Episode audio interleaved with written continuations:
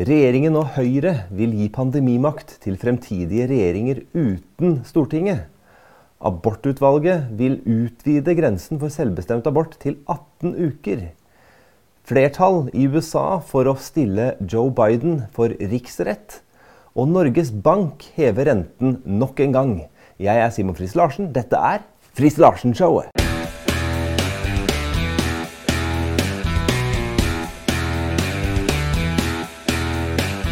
Hva var det jeg sa? Hva var det jeg sa? Koronatiltak og restriksjoner vil bli brukt til å frata oss makt. Og det er akkurat det som nå er i ferd med å skje. For eh, her ser vi i VG regjeringen Høyre vil endre smittevernloven og gi fremtidige regjeringer mulighet til å innføre isolasjon og karantenetiltak uten godkjenning fra Stortinget. Så nå er det ikke sånn at Stortinget lenger skal bestemme hvorvidt det skal innføres tiltak og restriksjoner i forbindelse med en pandemi. I alle fall om Høyre og regjeringen med Arbeiderpartiet og Senterpartiet får det som de vil. Og Høyre og Senterpartiet de har jo lenge gått for å være konservative partier. Men det er det jo langt ifra når de ønsker å gå til det skritt og til og med frata Stortinget dens makt til å så vedta lover. Ja, for her skal de jo da gjøre fremtidige regjeringer til de som skal kunne håndtere alene pandemier. Stortinget skal ikke ha et vedtak på om det skal innføres tiltak og restriksjoner eller ikke. Og det reageres jo mot det, da. Her står det også i VG 'Langer ut mot nytt pandemiforslag autoritære tendenser'. Og det er det jo en fra Venstre som påstår. Og så har vi jo Fremskrittspartiet, som eh, heller ikke ønsker denne forandringen.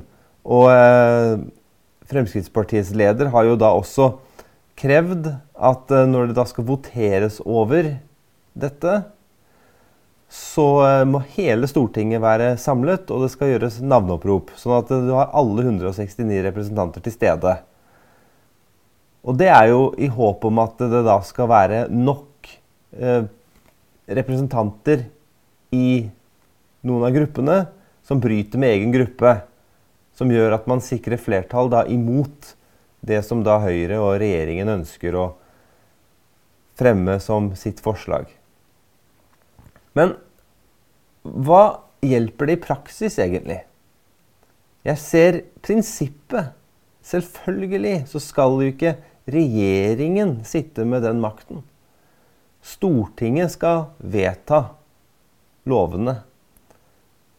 Og det er jo demokratiet. At vi har valgt da representanter som jo da skal utforme og vedta lovene.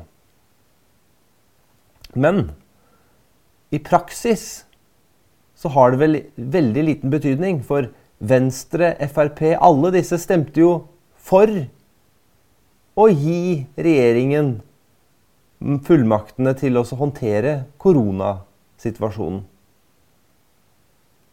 Hvorfor skal man tro at de ikke vil gjøre det neste gang det skjer noe? Har de lært noe, kanskje? Har de kanskje innsett at uh, det som da har vært, er galt? Jeg har ikke hørt noe om det. Det var Fremskrittspartiet som var frempå og snakka om at uh, koronasertifikat det gir muligheter, ikke begrensninger. Når vi helt klart vet at det er et bevegelsespass. Du må oppfylle kriteriene for å ha det sånn at du kan gå rundt og vise at du er trygg. Eller hva de kalte det for noe? De kalte det for eh, beskyttet. Men du var ikke beskyttet i det hele tatt. Om du så hadde tatt sprøyter eller hva det var, så smitta du likevel. Altså, Vi ble fora med så mange usannheter. Og jeg og noen få andre politikere, lokale sådanne, for det var ingen på Stortinget, snakka imot tok de sunn fornuft, skrev leserinnlegg i aviser. Så jeg heier jo selvfølgelig frem at det, det blir et flertall på Stortinget som vil stemme ned det forslaget som kommer fra Høyre og regjeringa. Men jeg glemmer ikke at det var eh, konspirasjon på bakrommet om at nei, vi skal ikke gjøre noe imot det som eh, regjeringen eh, slår fast vedrørende koronasituasjonen. Nei, der skal hele Stortinget bare være enige hele veien. Og det var de. Det var ikke én representant som sa noen ting som divergerte fra det kjøret som var, med de tiltakene og restriksjonene. Så skal man få bytta ut politikere, så gjøres det ved valg. Og skal vi gjøre noe for 2025, så nytter det ikke å stemme på de samme om igjen og om igjen. Du kan ikke tro at du vil få et annet resultat ved å stemme på de samme på nytt igjen. Og da vet du hva jeg skal si? At jeg blir partipolitisk her. Og stem konservativt.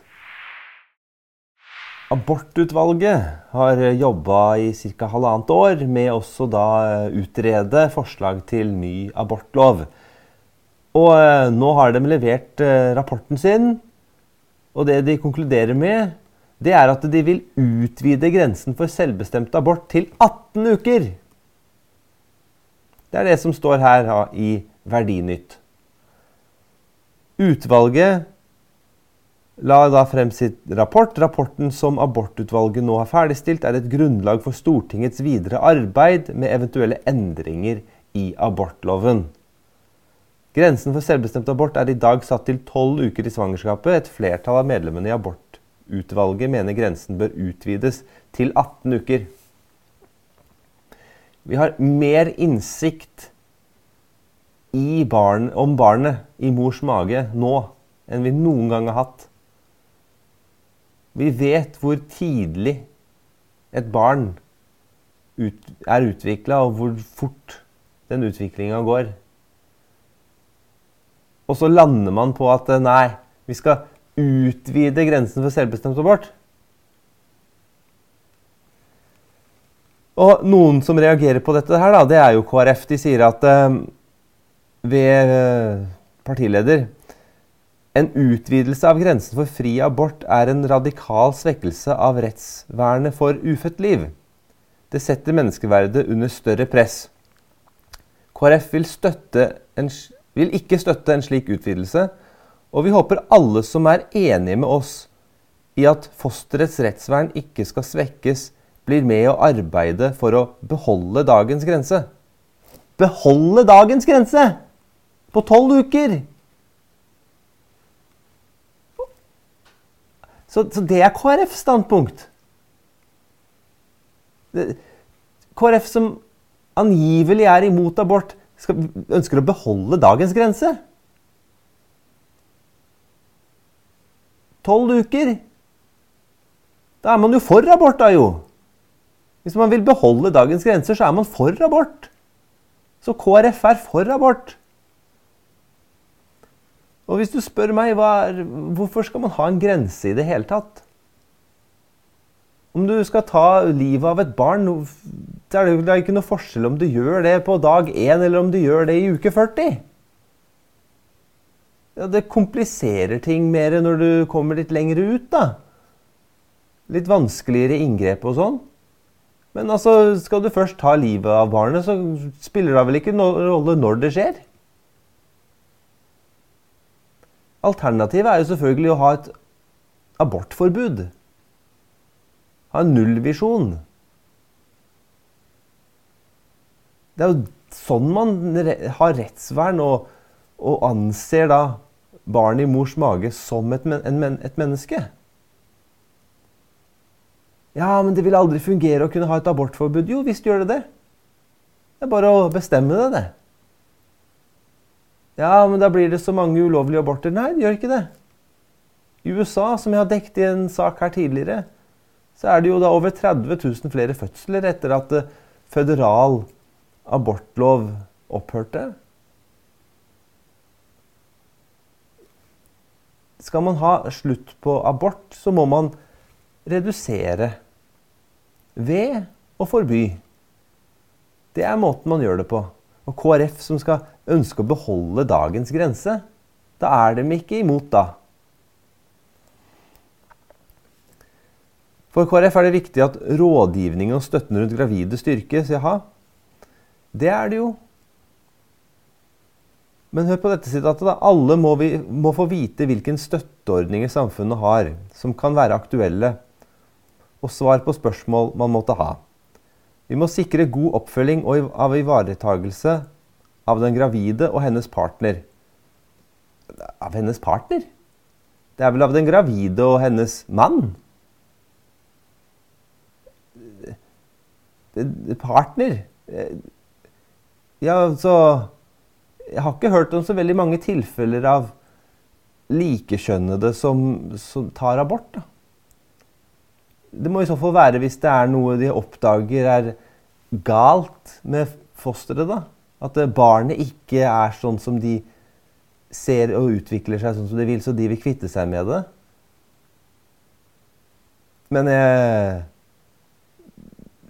for å bli gravid så er du jo avhengig av en mann, da. Så det må jo være snakk om hennes mann.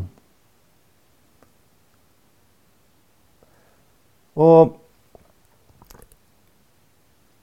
Fri abort til uke 18 er svært radikalt forslag og noe vi vil kjempe imot. Fri abort fram til uke 12 er også et radikalt forslag. Det er jo det man må kjempe imot. Og så er det jo da ulike etiske spørsmål omkring dette her. Da mener jo da dette her abortutvalget. Og eh, Eh, legger stor vekt på at spørsmålet om å fortsette eller avbryte et svangerskap er et etisk spørsmål som den gravide selv står i første rekke til å vurdere og beslutte. Nei. Det må være sånn at eh, den som står i første rekke til å svare på hvorvidt man skal ta abort eller ikke, det må ikke være den, den gravide selv. Er man gravid, så skal man føde fram et barn. Samtidig mener utvalget at fosteret har en moralsk verdi som samfunnet har en plikt til å beskytte. Nei, de mener jo ikke det. De vil jo bare at det skal kunne tas livet av seinere. Og det var jo da ingen i dette utvalget da, som ville ha noe, noe tidligere grense, da. Det var en som ville ha senere. Og um, jeg, jeg blir forstyrra av dette her, jeg. Det er altså så rystende at man velger å gå den veien. Med den kunnskapen vi har i dag, så skulle man jo definitivt ha gått den andre veien. Man skulle jo ha redusert grensen. Eller innført et forbud.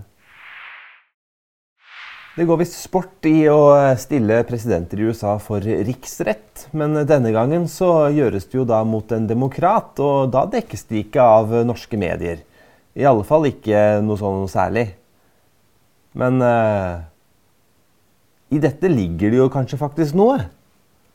For uh, Representantenes hus har jo nå et republikansk flertall, og de har nå brukt flertallet sitt til å vedta at Joe Biden skal stilles for riksrett.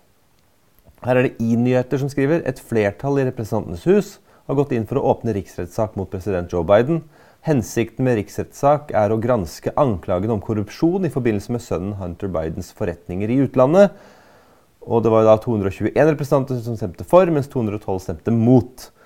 Republikanerne anklager Bidens sønn for å ha utnyttet farens posisjon som visepresident under Barack Obama til å tilegne seg penger og posisjoner i Ukraina og Kina. Republikanerne mener en riksrettssak vil gi dem flere verktøy som kan benyttes i letingen etter bevis. Og eh, de få andre norske mediene som har skrevet om dette, har nå bare sitert Joe Biden på at nei, dette er bare tull og løgn. og sånn. Ja, så Når eh, Trump eh, kommer med sine påstander, eh, så, så Nei, det er ikke det sant, det han sier. Men nei, når Joe Biden og han sier noe, nei, da skal vi bare tro på det, da. enda vi har jo hørt det, har, det, kommer til og med fram i toneangivende medier i USA hvordan dette her egentlig forholder seg. Man kan lure på hvorfor eh, kommer dette nå. Er det fordi at republikanerne ønsker å ødelegge for Bidens eh, sjanse for å bli president? Nei, det er ikke sånn. Er... De bruker ikke samme metode. Joe Biden er svak nok sjøl til å klare å tape et valg. Vinner bare hvis det er systematisk rigging. Men eh, det fant sted ting påstås det da. Men det finnes jo sterke indisier på det. Og det vil jo også fremkomme bevis på at da sønnen Hunter Biden var styreledere, styremedlem i ulike bedrifter i utlandet uten å ha peiling på, egentlig på hva han drev med. Og han var jo da egentlig en mellommann mellom de utenlandske selskapene og da kapital i USA og innflytelse da, inn mot uh, beslutningstagere. Og det vil jo da også Joe Biden tjene penger på. Penger som har da blitt betalt ut til hans bror, og så har uh, da det blitt gitt i gave tilbake til Joe Biden og den type ting. Så, sånne ting vi ikke hører noen ting om i norske medier, men uh, det er bare å følge litt med i USA så ser du disse tingene. Hva er det som da vil skje? Jo, da vil denne saken komme opp eh, for um, Senatet. Og det er jo da flertall i Senatet som da uh, Det er vel to tredjedels flertall som trengs da, for å dømme en president i riksrett i USA. Og det har jo da aldri skjedd før, og det kommer jo ikke til å skje nå heller. Men saken vil iallfall kunne komme opp. Og det kan jo bli interessant å følge med på.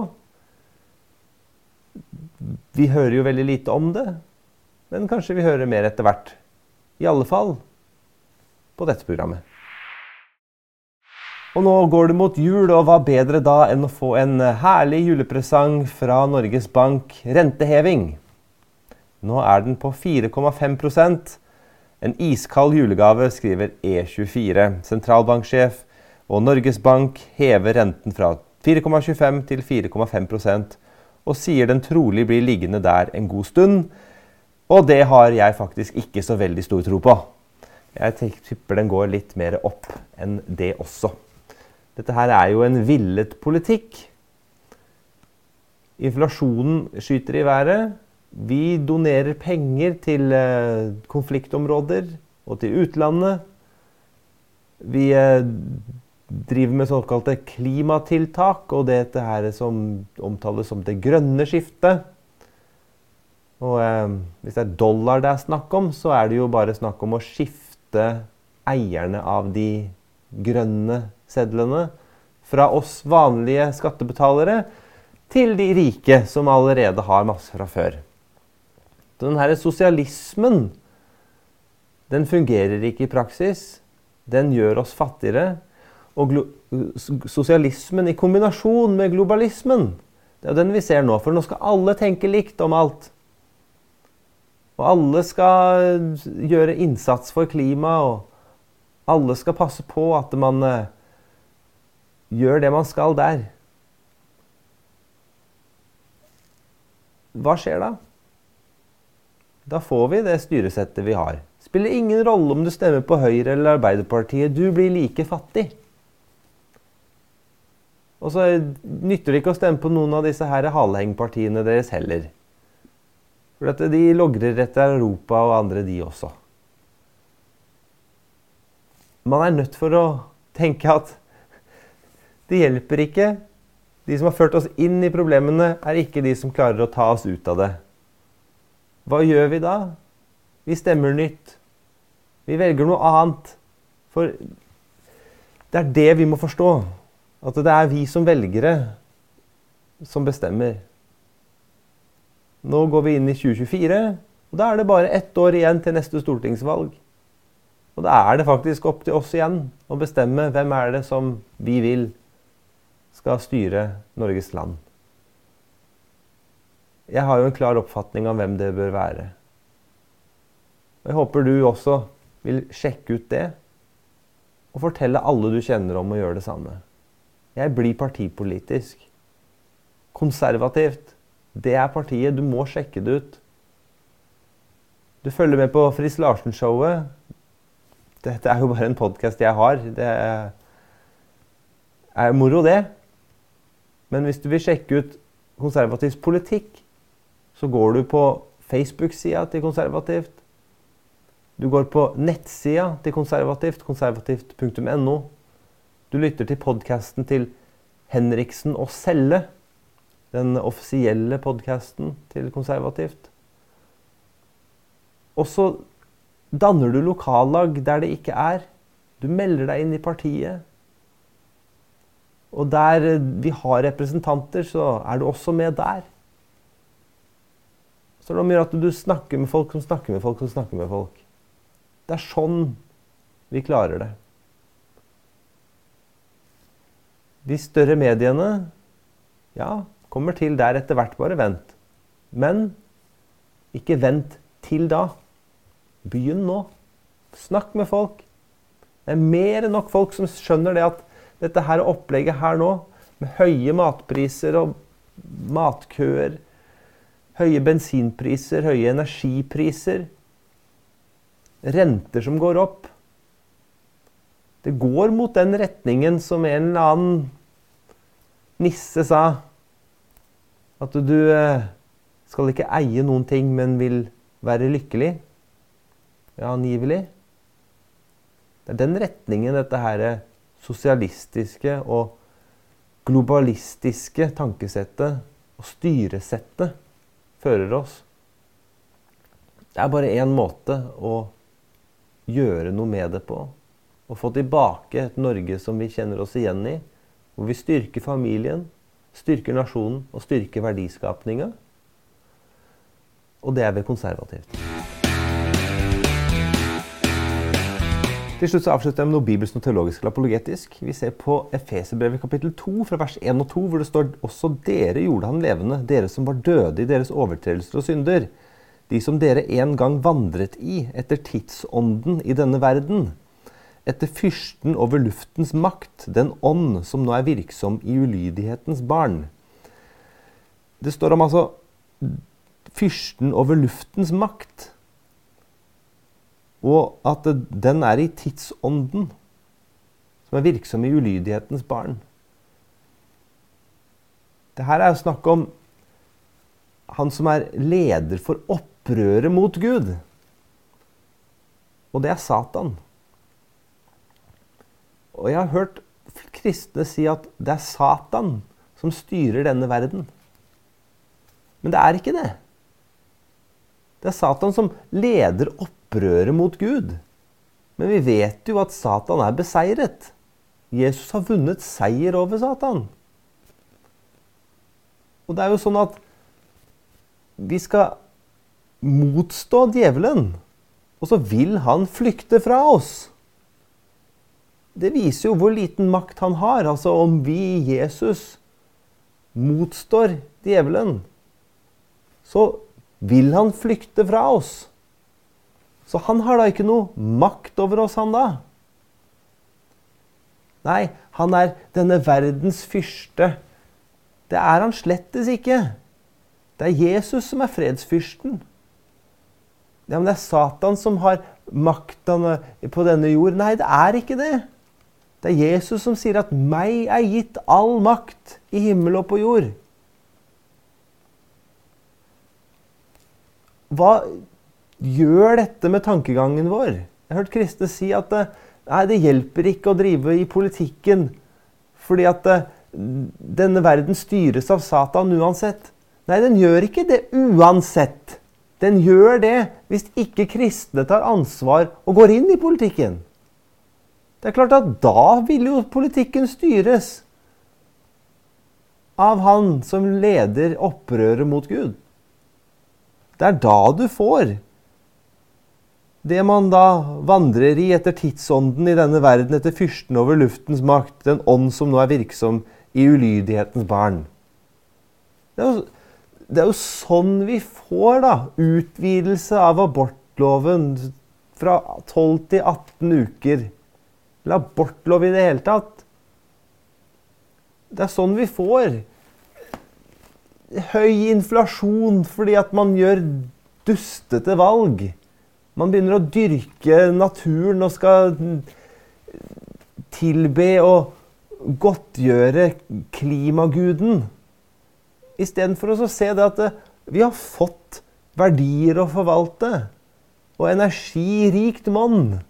Som hvis vi bare tar det i bruk, så blir det mer enn nok for alle. Men vi skal alle inn og tenke likt. Og forvirre folk om kjønn og identitet. Mens det går jo imot det som Guds ord sier om hvordan han har skapt oss. Hvordan vi er annerledes fra dyrene. Hvordan vi er skapt i Guds bilde. Skapt til mann og kvinne. Hvordan han har ordna det sånn at ekteskap er et bilde på Kristus og bruden. Kristus han vil aldri forlate sin brud. Det er sånn det er meninga at mannen og kona skal holde sammen. Så vi må legge bort de der tankene og den vranglæren om at det er Satan som styrer i denne verden og har på en måte fått en makt til å gjøre det. Det er ikke sant. Kristus har vunnet seier. Og det er om å gjøre at vi som er i Kristus, at vi tar vår rettmessige plass og autoritet med Han. At vi også engasjerer oss i samfunnet og går inn i politikken og gjør det vi skal der. Får flertall og skaper lover til rett og rettferdighet.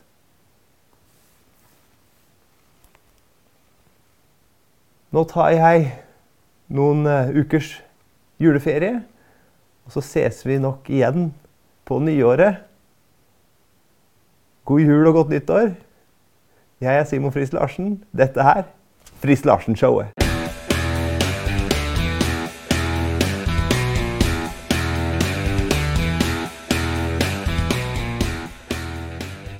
Takk at du ser på eller lytter til Friis Larsen-showet. I dagens politiske mediebilde så når ikke konservative budskap ut av seg selv. Generisk vekst er best, og det oppnås ved aktiv følging, liking og deling. Hvis du setter pris på Friis Larsen-showet, så benytt abonner-knappen på YouTube, følg-knappen på Spotify, og følg gjerne Simon Friis Larsen, kristen politiker, på Facebook.